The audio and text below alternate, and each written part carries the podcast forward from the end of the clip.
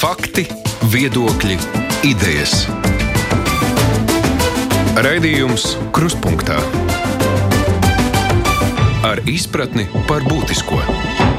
Studijā Mārija Ansone. Pašvaldību vēlēšanas beidzot aizvadītas un vēsturā tās ies nevis ar īpaši pārsteidzošiem rezultātiem, bet īpaši zemu vēlētāju aktivitāti. Lielajās pilsētās uzvarētāji arī gandrīz nav mainījušies, un viņu vidū gandrīz neviens nav no valdības partijām, un iespējams tieši tas motivēja jauno labklājības ministru Gatē Glīti mikroblogošanas vietnē Twitter dalīties ar dažām pārdomām par Eiropas naudas dalīšanas principiem, kas izraisīja tik lielu neizpratni neizpratni, ka ministrs šo ierakstu dzēsa. Tikmēr saistībā ar aizdomām par spiegošanu Krievijas labā izdots partijas saskaņas saimnes frakcijas deputāts bijušais iekšēt ministrs Jānis Ādamsons. Par šiem un citiem notikumiem runāsim šajā stundā, bet vispirms par žurnālistiem, kur piedalās šajā diskusijā. Lauma Spridzāna, žurnāla sestdiena, galvenā redaktora. Sveika, Lauma! Labdien! Ilja Kozīns no Latvijas televīzijas. Sveiks, Ilja! Sveiki. Pauls Rauceps, eh, žurnāla ir komentētājs un šobrīd arī pilda galvenā redaktora pienākumus. Sveiks, Paul! Labdien! Un mans kolēģis Aidis Tomsons, raidījuma kruspunktā vadītājs. Es tomēr gribēju sākt ar uh, tēmatu, kas ir ļoti svarīgs sabiedriskiem mēdījiem, tajā skaitā arī mums un Iļam. Uh, parādās jau pirmie kandidāti uz uh, sabiedrisko mēdīju uzraugošās sepul padomes. Um, kā jums šķiet, nu, kā jūs vērtējat šo procesu, kā tas notiek, vai tie kandidāti parādās, kas tiek jau nosaukti, ir labākie no labākajiem, jo, nu, veidojot uh, sabiedrisko mēdīju uzraugu, tad tika solīts, ka, nu, tad tiešām tad nopietni domās par sabiedriskā mēdīja nākotnu attīstību un visu pārējo. Lauma, sākušu ar tevi. Nu, es nezinu, laikam tāds ļoti plašs komentārs. Komentāri man nav ko teikt, jo man liekas, ka gan Eglīša kungs, gan Sikšņa kungs ir gan labi kandidāti. Tas, ko viņi līdz šim ir komentējuši, arī skaidrs, ka viņiem tur kaut kāda viedokļa atšķirās. Ja viņi abi būs šajā padomē, tad skaidrs, ka tur būs diskusijas, un, kas arī ir labi kas nozīmē, ka, ka tas nebūs kaut kāds tāds vienvirziena, vienvirziena process, bet ka tur arī iekšienē tiks izdiskutēti jautājumi. Un, um, jā, jā, man laikam nav daudz ko piebilst. Um, jo, piemēram, tam pašam uh, Sīkšņa kungam, manuprāt, vājākais posms bija tad, kad viņš bija taisni aizgājis no, no mēdījiem un uh, uh bija prezidenta padomnieks. Um, bet par laiku, kad viņš ir strādājis mēdījos un ar mēdījiem, es domāju, ka tur īpaši daudz kritikas man vismaz nekas tāds prātā nenāk. Ilja. Nu, es laikam gribētu atturēties mazliet no paša kandidāta vērtēšanas, jo nu, ir pietiekoši skaidrs, ka gan vienam, gan otram ir ļoti liela pieredze strādājot mēdījos. Uh, bet tavs jautājums bija drīzāk par to procesu. Uh, nu, pagaidām uh, mums tā teikt iztrūkst šis trešais kandidāts, ko valsts prezidents vēl nav nosaucis. Uh, man varbūt kā sabiedriskā mediju pārstāvim gribētos šo trešo kandidātu uzzināt tomēr ātrāk, pirms jāņem.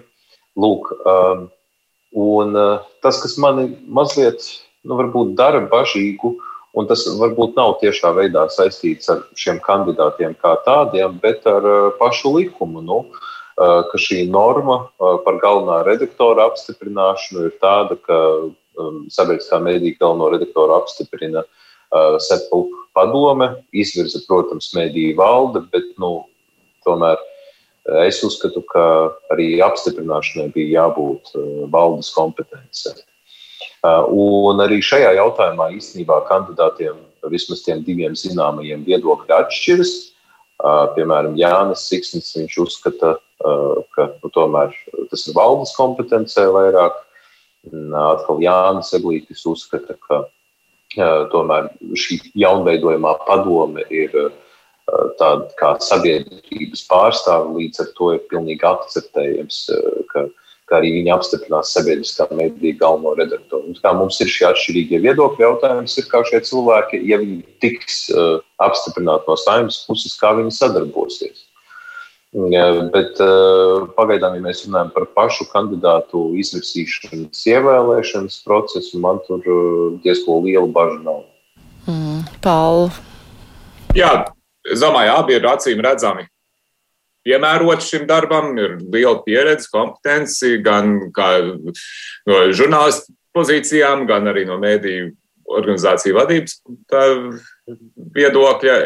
Tā ka man arī nav nekāda, šobrīd nav nekādas sevišķi iemesli izteikt bažas vai kaut kādas raizes vai prognozēt kaut kādu sliktu iznākumu. Protams, jāredz, kā tas faktiski strādās. Viens no lielākiem uzdevumiem, protams, ir jautājums par Latvijas rādio un Latvijas televīzijas apvienošanu, kas ir bijis sāpīgs eh, jautājums jau daudzus gadus. Un zinu, ka kolēģi rādio bieži ir cēluši trauksmi par centieniem ehm, šo realizēt.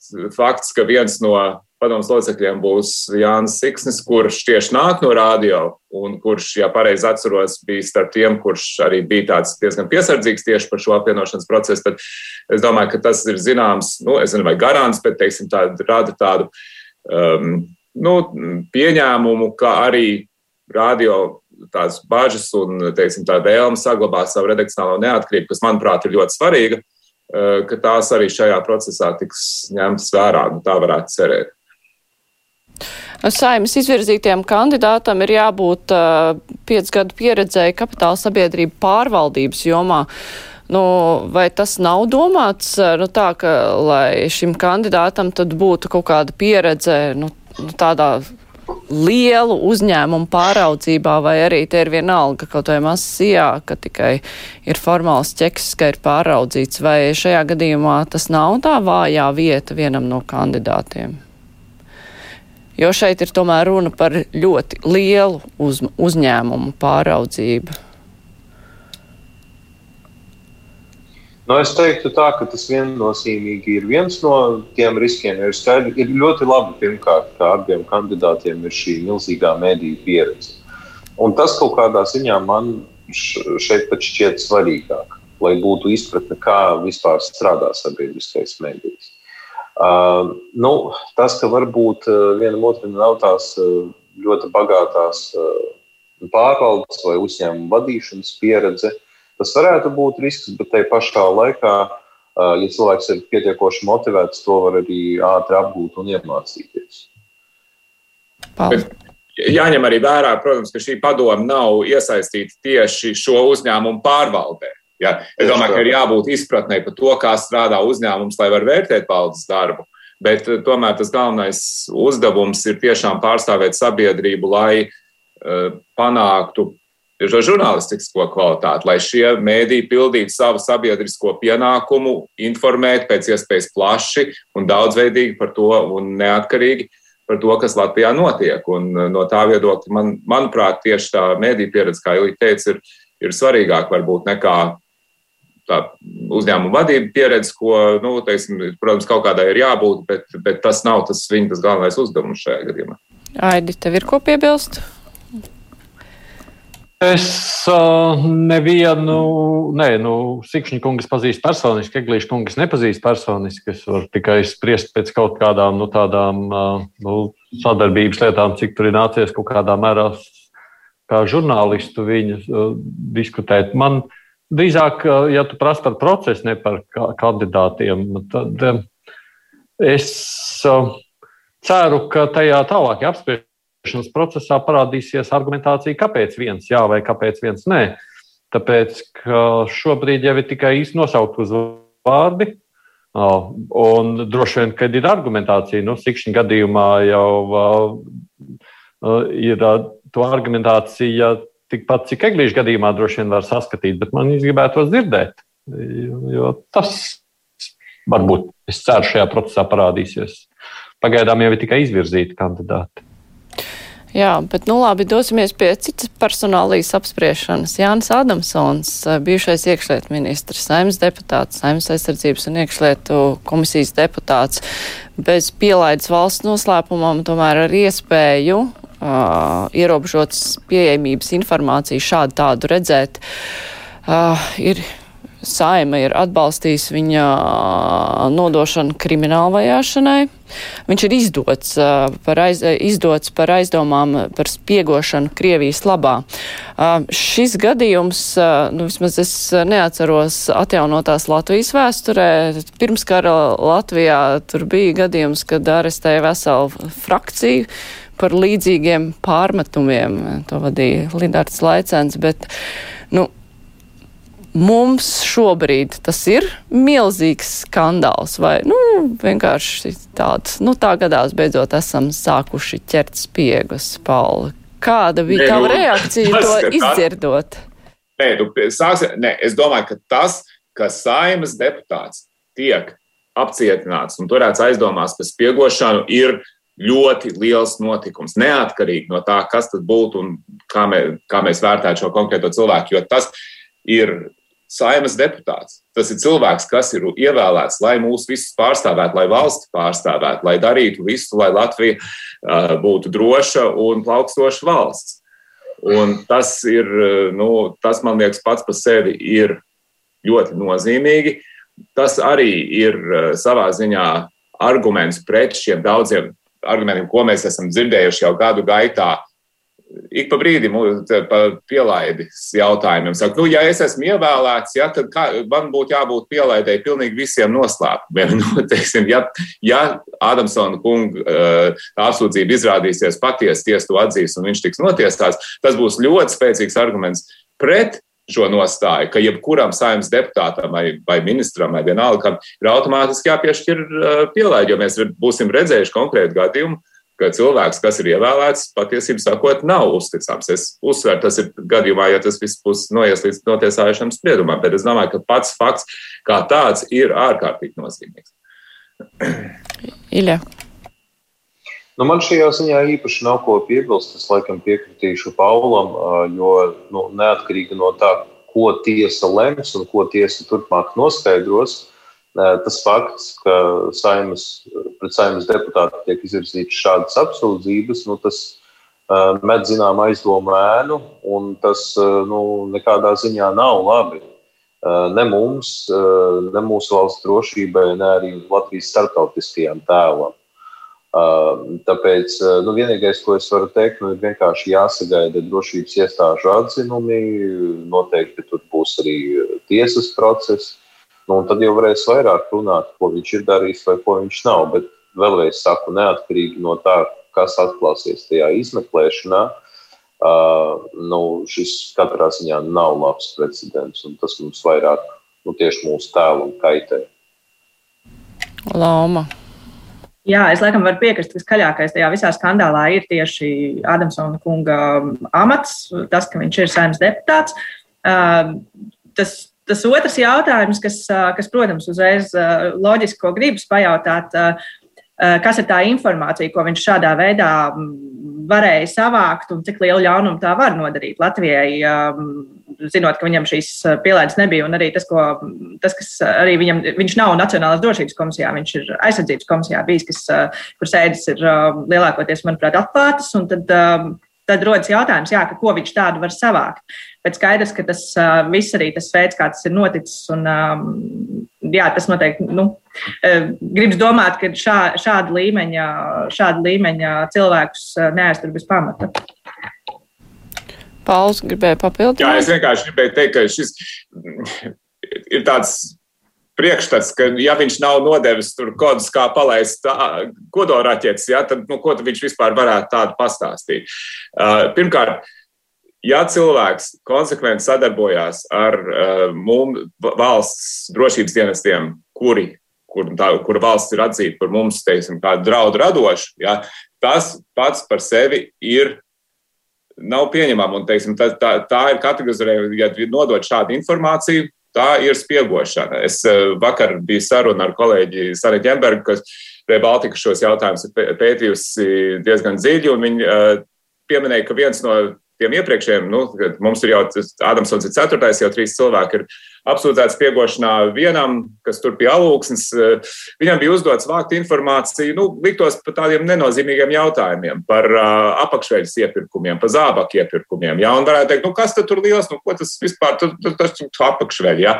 Bet, protams, pretējai pusēji šāda informācija ir svarīga, lai saprastu, nu, piemēram, cik ilgi karavīrs var noturēties purvā uzbrukuma gadījumā. Ja? Teiksim, tas, visa informācija tiek būvēta no maziem ķieģelīšiem, un nav teiksim, tas viens tas gabaliņš, varbūt liktos tās nenozīmīgs, bet tajā kopējā bildē viņa svarīgi ir citas lietas, ko šādi cilvēki var darīt pat ar bezpieejas slepenai informācijai. Piemēram, novērot, kuri cilvēki varē, varētu būt pakļauti vervēšanai, kuri būtu uzrunājami no otras puses. Ļoti vērtīga informācija, kas nav slepena kā tāda, bet vienkārši cilvēki šajā pozīcijā to var nodot. Es nesaku, kādam sociālā darīja, es nezinu, bet es vienkārši gribu teikt, ka šis, šī diskusija par to, vai, nu, ko viņš tā svarīgi varēja pateikt, ļoti daudz viņš varēja pateikt. Un, un tieši no šādiem maziem gabaliņiem var, var veidoties eh, ļoti bīstama informācijas mozaīka, ko var lietot pret mums. Tā ka nav mazsvarīgas informācijas šādā, šādos gadījumos. Es tikai gribēju precizēt un piebilst, ka es ar to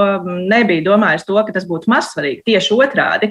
Tas, kas man liekas interesanti visā šajā situācijā, ir par to, ka, ja viņam nebija šīs speciālās pielaides, un ja tā nav slepena informācija, tad tas nozīmē, ka principā nu, nav runa tikai par speciālām pielaidēm. Tad runa ir par to, ka tieši tā, ka šī informācija arī tā, kas ir it kā publiska un it kā viegli pieejama, ka viņi vienalga ir interesēti šādiem spēcdienestiem citu valstu. Un, tieši tā, tad, un, tas ir tieši tas, ko es arī gribēju uzsvērt. Aidi, kādi tev rodas, ja radās jautājumi izdzirdot šo jaunumu?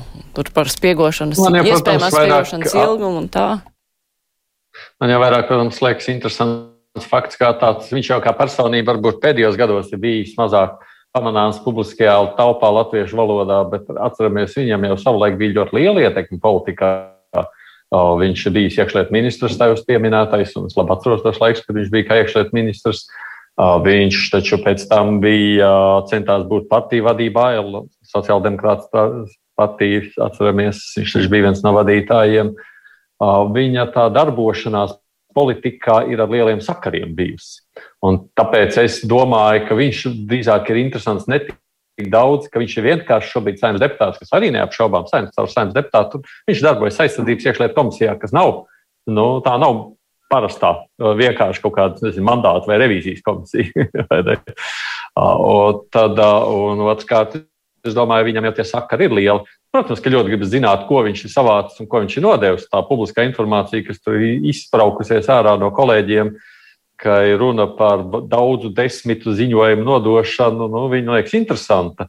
Nu, jādomā jau, ka redzot, tad, tas nav bijis īss, bet drīzāk ilgstošs drošības dienas darbs, kamēr, nu, kamēr viņi ir nonākuši līdz tam brīdim, kad ir jāprasa nu, kratīšana apsūdzība. Otrkārt, nu, man liekas, šajā reizē mēs arī redzējām tādu diezgan labu, veiksmīgu sadarbības modelis starp tiesību sargājošām institūcijām un sājumu.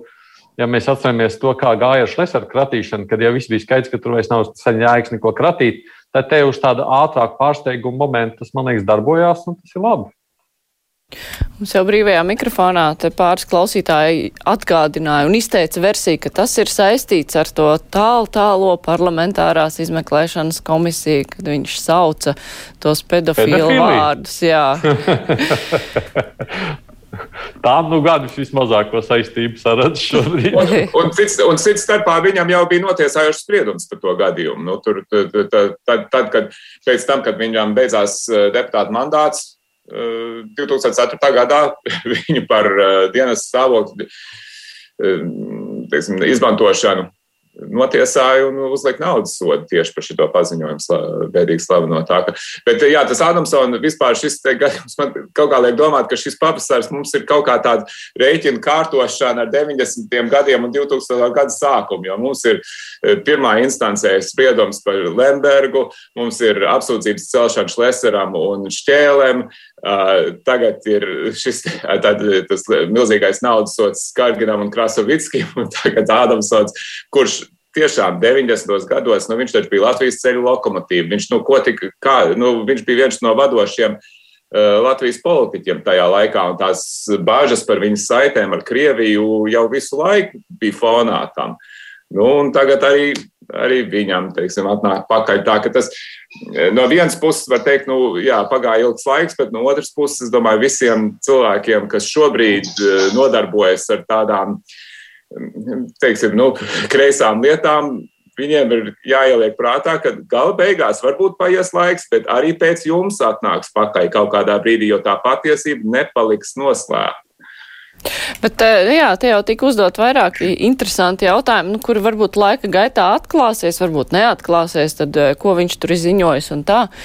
Bet eh, kas vēl man vismaz šķiet interesanti, ar ko viņš, ja viņš ir uzpirkts, ar ko viņš ir uzpirkts vai ar, nu, ar kaut kādiem mantiskiem līdzekļiem, naudu, vai arī uh, piedraudot neizpaust informāciju, kaut ko, ko viņš ir darījis. Nu. Putins jau teica, ka nav tāda lieta kā bijušā čekista. Nu, tas vienkārši tāds kategorijas nav. Varbūt ar to pietiek. Jā, mums tieši tā viens klausītājs, klausītāja teica brīvajā mikrofonā. Nu, nu labi. Čeki jau var viņš tiesājās, atceramies. Jā, jā, jā. Jā, te klausītāji jau vaicā, vai Ādamsona gadījums neatgriež mūs pie lustrācijas jautājuma. Droši vien jau. No. To Laikam tā sasaistīt. Jau viss pagājis, jā, mm, pagā. Laiks pa daudz. Nu labi, bet pie vēlēšanām tomēr uh, gribētos uh, pievērsties. Uh, te jau tika pieminēts uh, Aivars Lembergs, uh, kurš arī ir ievēlēts Ventspils domē. Te tā rēķina kārtošana un cietumā sēdēšana nav bijis iemesls, uh, ka viņu neievēl. Bet uh, kas ar viņu tālāk īsti var notikt? Uh, Te bija šie eh, vidas aizsardzības reģionālās attīstības ministrijas virzītie grozījumi, kas ļauj attālināt balsot. Nu, tur bija aizdomas, ka tas ir tāpēc, lai Lembergs varētu tikt ievēlēts uh, par domas priekšsēdētāju, jo viņiem jau tur ar tās balsis īsti. Kā ši, šis stāsts varētu attīstīties tālāk? Kas Liepājas domē varētu, vai Ventspils domē varētu tagad notikt? Kādam ir versija, Ilja? Esi pētījis? Uh Es godīgi tev pateikšu, man nav bijis laika uh, šajā iedziļināties, bet uh, spriežot par tiem faktiem, kas ir mūsu rīcībā, tevis jau pieminētie grozījumi. Nu, jā, ja, ja tos virzīs tālāk un apstiprinās, nu, būs šī iespēja balsot attālināti. Bet uh, ko ir svarīgi saprast tieši attiecībā uz uh, Aivaru Lembergu? Uh, Tātad viņam ir spriedums pirmajā instancē, ko viņš jau ir paziņojis, ka pārsūdzēs. Un, ja es nemaldos, un ja es maldos, tad lūdzu labojiet mani, bet tas pilnais sprieduma teksts, pirmās instances sprieduma teksts, viņš vēl aizvien nav pieejams. Un, ja es nemaldos, tad solīja ap Jāņiem vai pēc Jāņiem kaut kā tā. Tāpēc, nu, faktiski Viņam bija saskaņā ar likumu gan tiesības piedalīties kā vēlēšanu kandidātam, gan arī cilvēkiem bija iespēja par viņu balsot. Tāpēc atbildot uz jautājumu, kā tas varētu attīstīties, nu, tas varētu attīstīties tā, kā tas ir bijis līdz šim. Viņš var būt kādu laiku, piemēram, arī nebūt domas priekšsēdētājs, bet būt teiksim, kaut kādā zemākā amatā vai pienākumu izpildītājs faktiski kontrolējot Vēncpils domu. Jo nu, šeit drīzāk ir jautājums par to, ka nu, ir ievēlējuši viņa partiju. Tas noticis demokrātiskā ceļā. Es saprotu, protams, ka daudziem cilvēkiem, zinām apstākļu dēļ, eh, šāds iznākums varētu nepatikt. Eh, bet nu, tāda ir demokrātija un tāds ir likums notiesājošu spriedumu, nu, kā pilna sprieduma vēl nav. Nu, tad, jā, es, es pat īsti nezinu, ko te vēl varētu komentēt. Nu, tas, kas normāli būtu, ir vienkārši jāsagaida tiesas spriedums, jāskatīt, kamēr šī lieta tiks iztiesāta pilnīgi. Un, jā, nu, un vispārējais tas ir tikai vēlētāju ziņā. Nekas tur nevainīsies. Tāpat kā Ilja teica, kas tur var mainīties. Tur jau tā tas ir bijis līdz šim. Es domāju, tā tas arī būs tālāk. Tur pat laikam nav ko daudz piebilst. Interesants jau pats par sevi tas, protams, ir fakts un kāzus. Bet, nu, tā vans pilniekiem patīk, ka viņi domas priekšādātājs ir cietumā. Ne, ne, tur, protams, ir tā problēma, ka kamēr viņš ir cietumā, un es domāju, pat ar to attālināto balsošanu, viņš no cietuma taču nevar pieslēgties datoram un tur piedalīties tajā sēdē. Uh, un tikmēr uh, balsis dalās 6 pret 6, ja, jo viņam ir izšķirošā balss. Jo uh, viena lieta, kas ir mainījusies, un kas, es domāju, tomēr ir zīmīga parādība, atbalsts partijai Latvijai un Ventspilī ir pastāvīgi krities kopš 97. gada Uh, bija divas vēlēšanas, kur piedalījās, kas vispār tā kā komunistu laikos piedalījās tikai viena partija.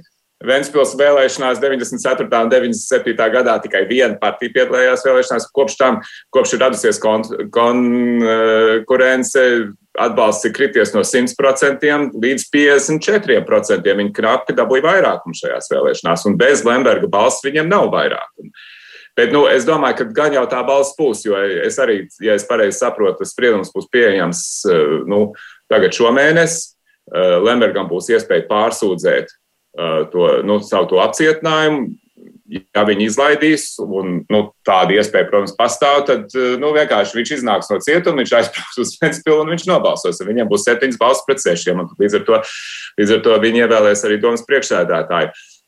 Man liekas, ka viņam vēl aizvien spēkā ir tas aizliegums ieņemt šo amatu, bet tas jau ne, tur, ja lasa, ja skatās Ventspils domas mājaslapu, tur viņš visu laiku figurē kā domas priekšsēdētājs pa spīti tam, kad viņam ir aizliegums šo amatu ieņemt. Tā, ka, nu, jā, kamēr, kamēr, kamēr viņiem būs tas viens valsts vairākums, tikmēr tur nekas nemainīsies. Tā ir taisnība. Jā. Mhm. Lāma piekrīti, ka tur pārmaiņas nav gaidāmas. Nu, protams, kā to tehniski atrisinās, bet to mēs redzēsim. Bet, nu, principā Jā, es arī gribētu teikt, ka tas uh, drīzāk ir interesants precedents taisnība no tās uh, tehniskās puses. Um, ka tur varam uh, tagad piedāvāt kaut kādus uh, nu, īpašus grozījumus par labu uh, Lembergam. Es teiktu, ka, nu, nē, nu, ka tas šajā gadījumā droši vien, ka viņiem tur nav cits izvēles īsti. Jo uh, tieši kā jau kolēģi minēja, tad um, ievēlēts viņš ir un acīm redzot, uh, tur ir jāmeklē kaut kāds risinājums. Uh, Um, tas, ko man gan gribētos teikt, ka es nezinu, manuprāt, šī situācija tomēr mazliet uh, zīmē to ainu tādu, ka tas, kas varētu mainīties, ka tiešām uh, ka viņš vairs uh, nu, nebūs uh, mēra amatā tomēr. Es teiktu. Uh, bet, uh, nu, redzēsim, jā, grūti šobrīd, uh, šobrīd kaut ko pateikt. Mm -hmm. Ar pašvaldību. Tā nebija tā, ka saskaņa viņa atbalstīja līdz šim. Ne? Nu, proti, viņam jau tur arī pietrūkst tas 6 pret 6. Man liekas, ka tur jau bija vēl kāds atbalsts. Saskaņa, man liekas, iepriekš taču bija. Nebija kopā. Bet, nē, bet es vairāk tādā ziņā, ka ir, es tagad nepateikšu, kurš no, no, no, no, no pārējām partijām arī minēja to, ka nu, tie, tie, tie komentāri bija daži tādi piesardzīgi tajā ziņā, ka par Lembergu mēs mērām tā nebalsosim, bet par visu citu mēs esam gatavi ar partiju runāt. Un, un tad ir jautājums, tikpat labi varbūt, ka partija izlems nu, virzīt kādu citu kandidātu un tādā gadījumā, piemēram, arī dabūt tomēr kādu balsi vēl no, no tām pārējām partijām. Bet Lembergs nekad nepiekritīs, ka viņš nav pirmais. Tas nekad nenotiks. Es negrūzu. Tas netiks. Kamēr viņa partijai būs vairākums, viņš būs, viņš būs pirmais cilvēks. Tur citādi nevar būt. Jā, ar pašvaldību vēlēšanām arī turpināsim. Es tikai vēlreiz atgādināšu, ka šodien kopā ar mums ir uh, Laums Pridzāne, sestdienas galvenā redaktore, Pauls Rauceps, žurnāli ir redaktora pienākumu izpildītājs, uh, Aidis Tomsons, mans kolēģis redzījumā Kruspunktā un Ilja Kozins no Latvijas televīzijas. Turpināsim tūlīt. Raidījums Krustpunktā. Jā, pašvaldību vēlēšanas, eh, ar ko tad bija zīmīgas, ar to ļoti zemo aktivitāti, ar to, ka nekas ļoti, ļoti stipri nemainījās, lai gan dažās uh, pilsētās, nu, tur bija interesanti, ka, piemēram, uh, Daugaupilī, Rēzeknē, tās ir abas Latgals valsts pilsētas, tur saskaņa ir tā labi nostabilizējusies, kamēr pārējās vietās viņiem, nu, rezultāti ir, principā, bijuši sliktāki. Jūrmala, Gatis Trūksnis, viņa partija saņēmusi ir pārsvaru, kas pirms tam nebija. Kas šīs ir vispār par tendencēm? Es saprotu, ka tas Latgales stāsts un, un Jūrmals stāsts un Vēnspils stāsts, ka tas atšķiras, ka tur um, varbūt ir nu, tā tādas citas iezīmes, ar ko šīs partijas izceļās, bet uh, kopumā vai izskatās, ka nu, tie, kas ir tā labi nostiprinājušies, ka tie tagad nostiprināsies vēl tālāk, vai tomēr tas ir vienkārši tādi atsevišķi gadījumi? Cēsis arī ir tāpat un, nu, jā. Kā man savulaik vienā intervijā pateica profesors Skudra, Latvijas politika ir viena ļoti neparedzama lieta, un tas attiecas arī uz šo gadījumu. Ja mēs runājam par konkrētām pašvaldībām, tad nu, es laikam varētu kompetentāk izteikties par jūrmalu, jo pats esmu jūrmalnieks. Un ļoti daudz arī ikdienā sazinos ar cilvēkiem, kas dzīvo turpat tās jūrmalā. Un tas, ko es esmu pamanījis no, no šo cilvēku puses, tie argumenti, kāpēc tur daudzi balso par gati trūksni, nu, tad jūrmalā, piemēram, tas, vien, tas apsvērums, laikam, vissvarīgākais ir nekustamā īpašuma nodokļa atlaides. Jo pašreizējā doma nu, piešķir ļoti lielas atlaides tiem cilvēkiem, kas uh, skaitās nu, kā jūrmālas pamatiedzīvotāji. Es nezinu, kā tas sīkāk juridiski korekti ir definēts, bet nu, tā ir. Un, uh, kā viņi man saka, tas ir tas iemesls, kāpēc viņi uh, balso par, par konkrēto cilvēku. Uh, par citām pašvaldībām es pieļauju, ka tur varētu būt kaut kas līdzīgs.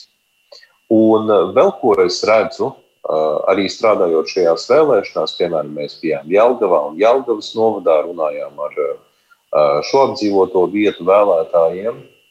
Un tad es saprotu tā, ka ir kaut kādas lietas, ko pašvaldību domas dara, kas ir ļoti spilgtas un tādas uzreiz nu, jūtamas, taustāmas. Ļoti līdzīgi kā bija Rīgā Ušakova laikā ar visām atlaidēm ļoti daudzām sabiedrības grupām sabiedriskajā transportā, ka gan pensionāri, gan skolēni varēja un arī var braukt bez maksas. Nu, citās pašvaldībās arī kaut kādā ziņā ir līdzīgi, ka vietvaras paņem kaut ko, kas ir ļoti taustāms, kas viņiem arī nodrošina to iedzīvotāju atbalstu. Un es esmu pamanījis, ka vēlētāji, nu, es neesmu tiešām korupcijas pētnieks vai eksperts, bet nu, tādā līmenī, ka man, man sajūta līmenī, man šķiet, ka tie globālie jautājumi, piemēram, korupcija, uh, varas piesavināšanās vai līdzīgi, tie uh, to novadu vēlētājiem mazāk uztrauc nekā nu, tādas tīri praktiskas un sadzīves lietas. Uh, nu, kaut kā tā. Es nezinu, varbūt citiem būs interesantāki komentāri, bet man šķiet, ka nu, tas ir viens no tiem faktoriem, kas ietekmē to, kāpēc lielākajā daļā nobuļu nekas nav mainījies un tādā varas ziņā. Mm -hmm. Paldies!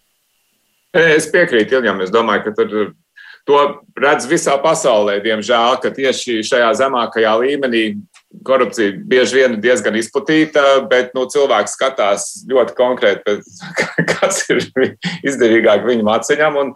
Un, pēc tā arī balsoņi. Ja tur kaut kas cits notiek, nu, ja tas viņus ļoti tieši neskar, tad viņi par to sevišķi neuztraucās. Jo, teiksim, tas trukšņa gadījums, no malas skatoties, neesmu jūrmalnieks, es tikai lasu to, kas redzams nacionālās ziņās, bet domāju, šausmas, šausmas, kā šo cilvēku vispār var ievēlēt. Bet, nu, acīm redzot, jūrmalniekiem gan tās nekustamā īpašuma atlaides, gan arī es redzēju, man liekas, um, Ir kažok bija iemet uz Twitterī, tur bija izplatīts kaut kāds skrejlaps ar visiem tiem labumiem, ko trūksnis soli, ja teiksim, tādas piemaksas un tā, nu, tādas labumus un visu kaut ko, un tad cilvēks saka, nu labi, nu, tas, tas ka viņš dzīvo Jūlija Krūmiņa dzīvoklī, tas man, man tas daudz mazāk svarīgs nekā šīs lietas, ja. Tā, tā tas ir. Es, tā, tādā sajūta līmenī, protams, būtu labi, ja kāds politologs to izpētītu. Man liekas, ka tur tomēr ir arī kaut kādu lomu spēlē tas, cik spēcīga ir opozīcija. Eh, man liekas, ka Vēncpils gadījumā, nu jā, nu, Lembergs dabūja to bet nelielo vairākumu, bet tomēr atbalsta kritums bija, tāpēc, ka tas spiediens teiksim, no tās opozīcijas bija ļoti liels. Ja. Es domāju, ka citās pilsētās droši vien ir problēma, ka nav un nobedos, ka nav tik spilgtu to opozicionāru. Un tad domā, nu, ko es te iešu kaut ko eksperimentēt, nu, ir gana labi ar to esošo, lai, lai iet. Un, un vēl, ja es drīkstu piebilst, es nu pat iedomājos, kamēr Pauls stāstīja par opozīciju, par vienu tādu lietu, ka uh, nu, arī tā pati opozīcija nu, nebija sevišķi aktīva vismaz tajā pašā jūrmalā uh, nu, visu laiku. Jā, ik pa laikam tur kāds varbūt uh, sūdzējās par kāpu apbūvi, kas ir jūrmalai ļoti būtisks jautājums. Bet tas, ko es pamanīju, ka nu, burtiski trīs mēnešus, varbūt pat divus mēnešus pirms vēlēšanām, tikai visi sāka aktīvi rosīties, aģitēt, eh, sociālos tīklos, daudz rakstīt par jūrmalē aktuālām problēmām. Un tie mani draugi, jūrmalnieki, kas man apkārt tad mēs runājām par šīm vēlēšanu lietām. Nu, vienmēr, ko viņi teica, ir, nu, kur, kur jūs agrāk bijāt. Cilvēkiem nepatīk tas, ka pirms vēlēšanām tieši uzrodas, nu, uzrodas kaut kāda jauna spēka ar savu piedāvājumu. Cilvēki vēlas, lai šie cilvēki būtu aktīvi visu laiku, visu to ciklu pirms kārtējām vēlēšanām, un ne tikai tos dažus mēnešus pirms. Jo tas atkal varētu radīt nu, tādu neusticību cilvēkos. Ja jau tu neesi bijis aktīvs līdz tam, un esi aktīvs tikai dažus mēnešus pirms vēlēšanām, aha, Tas varētu liecināt, ka tu vienkārši vēlies iegūt kaut kādu privātu labumu, nevis darboties cilvēku labā. Un tur arī, manuprāt, ir tā problēma. Lauma. Jā, es domāju, ka tur ir vairāk, vairākas lietas ar šo vēlēšanu rezultātiem. Nu, tā pirmā, ko jau arī daļai kolēģi pateica, ir par to, ka tas ļoti skaidri parādīja to, ka cilvēki ļoti atšķirīgi uztver saimnes vēlēšanas un pašvaldību vēlēšanas. Tas, par ko varbūt kas ir tas galvenais, ko skatās balsojot par partijām saimnes vēlēšanās, ir kaut kas cits nekā tas, ko izvēlās, tie principi, pēc kā izvēlās pašvaldību vēlēšanās, kam atdot savu balsi. Bet ne tikai no cilvēku puses, arī no partiju puses. Um, jāatzīst, ka, piemēram, es nezinu, kā kolēģi, es teiktu, ka kampaņas šogad, nu, principā gandrīz nebija, vai arī viņa bija ļoti maza.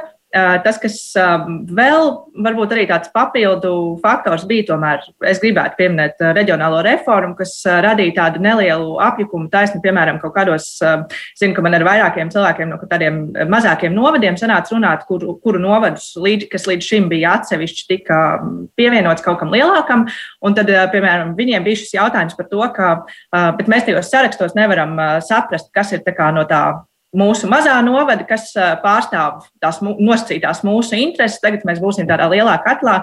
Mēs nesaprotam, par ko balsot, tāpēc ka mēs vienkārši, nu, jā, pat ja mums kaut kāds viens politiskais spēks varbūt simpatizē vairāk, mēs tagad nesaprotam, kas ir tie cilvēki, kuriem mēs varam uzticēties. Un es domāju, ka tā nu, arī nebija maza problēma daudziem izvēloties tieši varbūt, konkrēto sarakstu. Varbūt ne tik daudz par dalību vēlēšanās, cik tieši izdomājot, kam atdot savu balsi. Uh, Un tad, protams, jā, šī, šī, šī praktiskā puse, es domāju, ka noteikti bija ļoti svarīga un vienmēr pašvaldību vēlēšanās ir svarīga. Un, piemēram, runājot par tām pašām jau pieminētajām jūrmālas vēlēšanām, es arī uh, zinu konkrētus cilvēkus, kuri izlēma atdot balsi uh, par to pašu Trukšņa kungu tieši tā iemesla dēļ, ka, piemēram, nezinu, ir viens pabalsts ko viņš zina, tad, kad, kad ja nāks citi pie varas, tad viņš šo pabalstu nogriezīs. Un tas šajā gadījumā pat nav tik daudz par to konkrēto summu, cik tiek maksāts pabalstā, bet vairāk par to, ka šim cilvēkam ir sajūta, ka viņa vajadzības tiek uzklausītas un ka viņa praktiskās kaut kādas ikdienas lietas, kas viņam ir svarīgas, tiek ņemtas vērā un par kurām tiek domāts. Un, jā, es domāju, ka tas, tā nav maza lieta un to nedrīkst ignorēt tajā brīdī, kad ir runa tieši par šām vietvaru ietver vēlēšanām.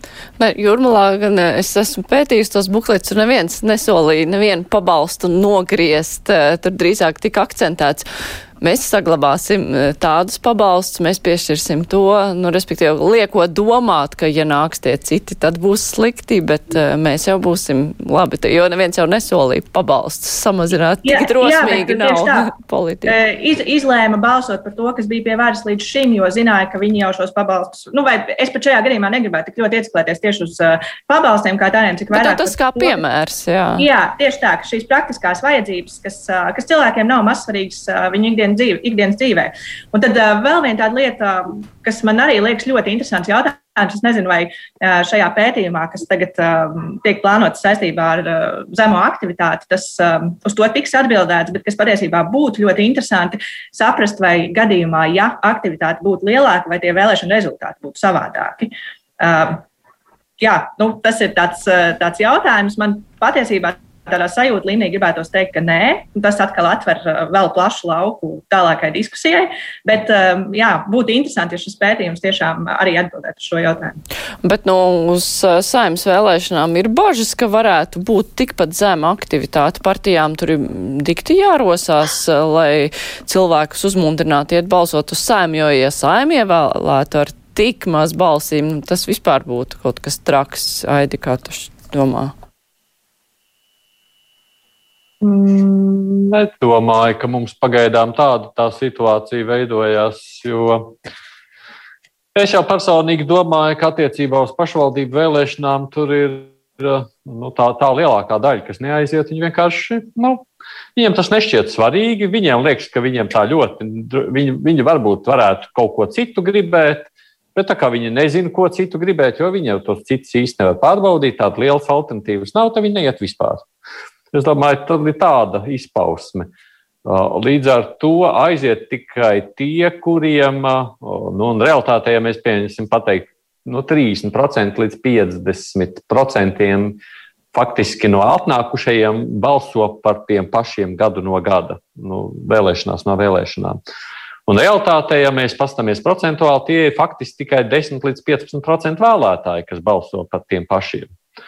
Jo nu, tā otra 10 līdz 15% vēl nobalso par ko citu, bet tie 10 līdz 15% vēlētāji nosaka to, to varas, varas nemainīšanos.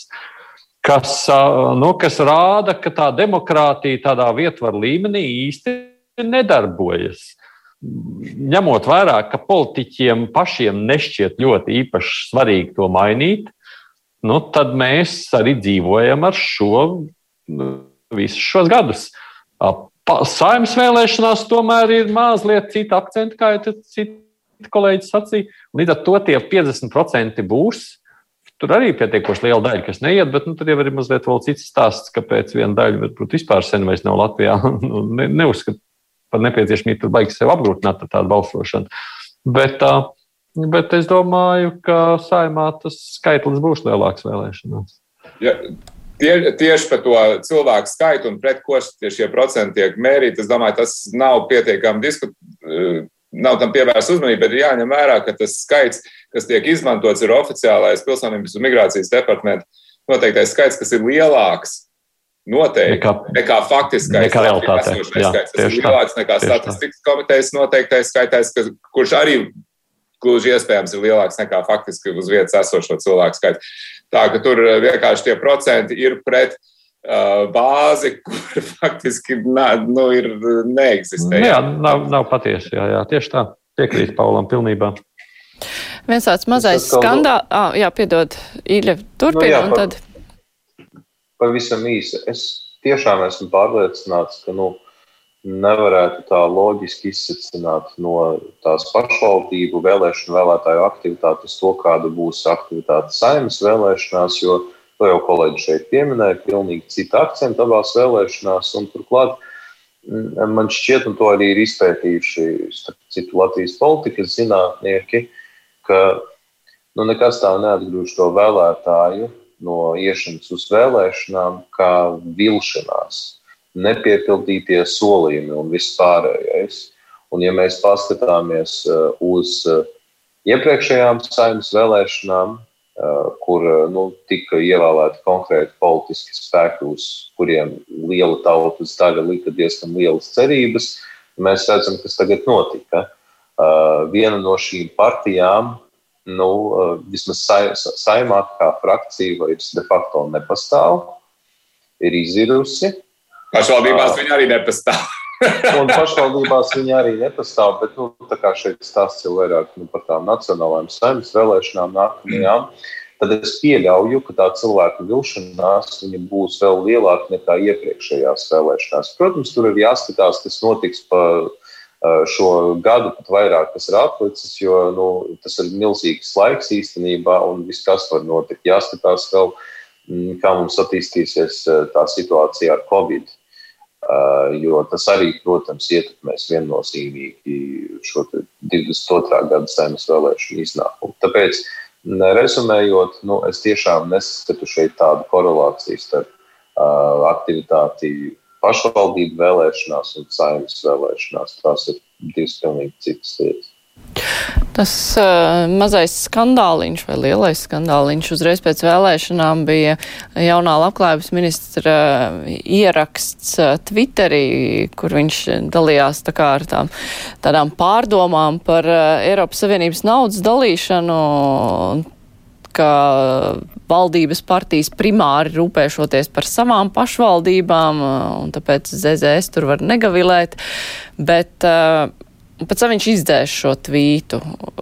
Kā tas eh, vairāk izskatījās, vai ministrs pateica skaļi to, par ko visi tā kā zina, bet eh, nerunā, vai arī nodemonstrē greizu domāšanu? Nu, es, ja, ja es drīkst vienkārši pateikt, mums uh, mans kolēģis Aivars Ozoliņš nointervēja Eglīšu kungu pirms šīs slavenā tvīta. Un uh, es vienkārši gribu citēt kaut ko, kas parāda, ka tiešām tas atspoguļo viņa domāšanu, jo viņš uh, piekdienā pēc ievēlēšanas teica sekojušo. 2022. gada budžets varētu būt labs arī tādā ziņā, ka mēs esam gatavi iet uz pietiekami lielu budžeta deficītu, lai tām četrām partijām, kas mēs esam, ir ko sadalīt. Turklāt, tāda tā, ka, es, ka galvenais uzdevums tagad ir paņemt tā kā to naudu, kas ir tāda lielā nauda, kas ir viņa rīcībā, to tagad dalīt pa labu un pa kreisi, lai dabūtu labs rezultāts nākamgad. Tas acīm redzot, viņam ir stingri prātā iesaities. Turklāt ir vēl viena lieta, kurai, nu, vismaz manuprāt, netika pievērsta pienācīga uzmanība ir tas fakts, ka jau mēnesi pirms pašvaldību vēlēšanām jaunās konservatīvās partijas Vēncpils nodaļas mājaslapā, Facebookā parādījās ieraksts, kur faktiski bija nu, tāds pats vēstījums. Ka, lūk, tur, ja nu, es tagad ļoti tā rūpīgi pārfrāzēju, jūs katrs varat to ierakstu atrast. Un ir jāsaka, ka no, no, no partijas Vēncpils nodaļas tās Facebook lapas šis ieraksts tika dzēsts. Eh, pēc eh, kaut kāda laika un palika nošērotajos eh, pie nu, citu cilvēku profilos, bet to vēl aizvien var atrast. Un, uh, tur bija rakstīts, nu, lūk, uh, ja tur nākotnē tātad Ventspēlī būs Latvija un Ventspēlī ZZS, uh, nu, tad būs grūti saņemt to Eiropas Savienības finansējumu, kas sasaucas īstenībā ar Eglīša kunga teikto jau nu, nākamajā dienā pēc vēlēšanām. Protams, kā saka, divi gadījumi var būt sakritība, bet trīs un vairāk jau ir sistēma. Un tas, ko nu pat minēja uh, Paulkungs, nu, mēs šeit redzam sistēmu, es vairāk domātu tā. Bet tad tā domā nu, kādi JKP politiķi, vai viņi vienkārši runā par to, kā tas notiek? Lauma. Es, ne... Nē, nu, es tikai gribētu piebilst, ka šie, šie, šie piemēri, ko, ko kungs pirms manis minēja, tikai kārtībā reizi apliecina to, ka pēc tam tā ļoti neveiklā taisnošanās par to, ka viņš ir pārprasts un ka viņš to ir domājis pavisam savādāk, un tagad dzīve ir pavisam citādāk, un viņš ir runājis par pagātni un, un vēl nezinu, ko ir tikai nu, tādas ļoti neveiklas atrunas un, un, un, un nekas vairāk. Uh, un tā otra lieta, laikam, kas mani patiesībā ļoti, ļoti skumdina visā šajā situācijā, to varētu norakstīt tā uz nu, tādu neveiklību. Ja es tā nestāvētu, eh, un tādu ne, varbūt nepietiekamu pieredzi ministrā vai tik augstā amatā, tad, ja es tā nestāvētu, tiešām tik nopietni, nopietni jautājumi kā budžeta sadale. Un eh, šajā gadījumā man eh, nu, gribētos teikt, ka jā, ka nu, ir ļoti skumji, ka, ka mums ministru krēslos nonāk cilvēki, kas uh, tiešām šādas uh, nu, elementāras lietas, nu, es, es pat nezinu, kā to nosaukt. Manuprāt, tas tvīts bija tāds, uh, tāda, tāda puiciska varas demonstrācija par to, ka mēs tagad. Nezinu, mēs tagad uh, esam tie, kam pieder nauda, un mēs tagad viņu jums visiem sadalīsim, kā mēs gribēsim. Nu, man liekas, ļoti nepieņemami. Īļa, tu gribēji papildināt, es pārtraucu. Nē, īstenībā visu, ko es gribēju papildināt, Laumija jau izstāstīja, man vairs nav nekas sakāms. Aidi, kāds iespējas tev radās, vai es arī, es te nevaru atcerēties tieši, kurš Twitterī to ierakstīja, bet, nu, ka tas izskatās pēc tā, ka bērns bērnu dārzā izstāsta to, ko vecāki mājās runā. nu, ka viņš vienkārši ir pateicis to, ko, nu, ko visi dara, vai arī nu, tomēr nu, tā tas nav, un uh, viņš vienkārši ir savu sapratni par lietu kārtību nodemonstrējis. Nē, nu man jau gribētos domāt, to tvīt jau pārprast nevarēja. Viņi tur pēc tam mēģināja taisnoties, varbūt kaut kādā veidā izlīst ārā, bet tur jau bija ļoti skaidri uzrakstīts tā, lai viņu pārprastu. Es drīzāk domāju, ka nu, tā nu, tā viņi visu laiku skatījušies uz šo politika. Nu, tā ir bijis līdz šim, ja tā viņi saka, nu, tā, tā ir darījuši ZZS, tā mēs turpinām to pašu darīt vārdos, jo viņi tā kā ir iestājušies pret, bet tā sirdī jau viņi vienmēr domājuši, ka tā tas ir. Un man jau liekas, ka tādas skatoties tīpaši uz šīs partijas darbošanos līdz šim, viņi jau lielā mērā ir spēlējuši nu, kaut kādu ļoti līdzīgu to politiku, vismaz savā izpratnē. Tāda man tur tā sajūta visu laiku ir bijusi. Man tur Uh, man drīzāk bija pārsteigums par to, ka viņš nesaprata, ka publiski tā to nevar teikt. Uh, to, ka viņš tā domāja, tas man tā kā likās līdz šim. Tagad viņš varbūt arī saprats, ka tā vairs nevar. Uh, bet es nobrīnos, ka jau ir, nu kā, cik taču jau ir divi pus gadi kopš ir iekšā saimā. Kā viņš līdz šim to nebija sapratis? Tas man. Bet acīm redzot, kāds tomēr tajā brīdī laikam bija uh, viņiem pateicis, ja viņš tik steidzam to dzēs ārā. Jo tad, tur laikam tomēr kāds to bija pamanījis no viņai. Jā. Jā, bet valsts prezidents nu, pēc tam nevis pateica, ka tā nedrīkst tur darīt vai domāt, bet nu, norādīja, nu, ka tā nevar būt, ka ministrs tā domā. Nu, tā noteikti ir kļūda. Nu, jā, ir. Pat Mani pat vairāk fascinē šajā ziņā ne tik daudz valsts prezidenta reakcija, cik premjerē. Es atceros, kad bija eh, preses konference pēc koalīcijas sanāksmes kārtējā, es uzdevu šo jautājumu. Nu, kā tad uh, vērtēt uh, Eglīša kunga šo ierakstu un uh, attiecīgi tam sekojošos demisijas pieprasījumus, jo premjerministrs pateica, ka katram ministram ir jāatbild par saviem vārdiem. Es pajautāju, nu, vai viņam būtu jāatbild ar to uh, atkāpšanos, uz ko premjerministrs uh, sacīja, ka nu, tāds apjukums neliels, un pēc tam ministram esot jāļauj strādāt. Redzēsim, viņš teica. Nu, tas, tas, tas arī parāda to attieksmi koalīcijā. Uh, acīm redzot, eh, ir tas stabilitātes jautājums, kas viņiem sevišķi šobrīd ir ļoti svarīgs. Uh, un, uh, nu, jā, viņi vienkārši nav gatavi ministru, kas iecels tikai nesen atbrīvot no amata, tikai šī uh, viena ieraksta dēļ. Un šī īstenībā ir tāda tēma, kas man šķiet ļoti interesanti jau eh, ilgu laiku, jo es visu laiku salīdzinu tās politiskās apļus, kas notiek pie mums un Vācijā. Eh, Vācija vienkārši man ir ļoti tuva valsts, dzīvē ar to arī ļoti daudz saistīta. Un tur, ja mēs paskatīsimies uz to politisko kultūru, uh, tad uh, cilvēki ir zaudējuši savus politiskos amatus arī oh. mazāk. Nu jā, un, un, un, un ne tikai Vācijā tas notiek. Jā, man tev ir diemžēl jāpārtrauc, mums laika vairs nav. Un, bet, nu jā, man piebild, ka ne, nav brīnums, ka valdības stabilitāte netiek tricināta vairāk. Nu pat mēs tikai redzējām, ka tā tika mazliet nostiprināta. tā kā tas būtu tāds ļoti strauši pavērsiens. Iļako Zins, Laumas Pridzāna, Pauls Rauceps, Aidis Tomsons piedalījās mūsu šīs nedēļas diskusijā, kas ar to arī izskan, un raidījuma producenti Revi Junām savukārt studijā bija Mārija Ansona. Vislabāk!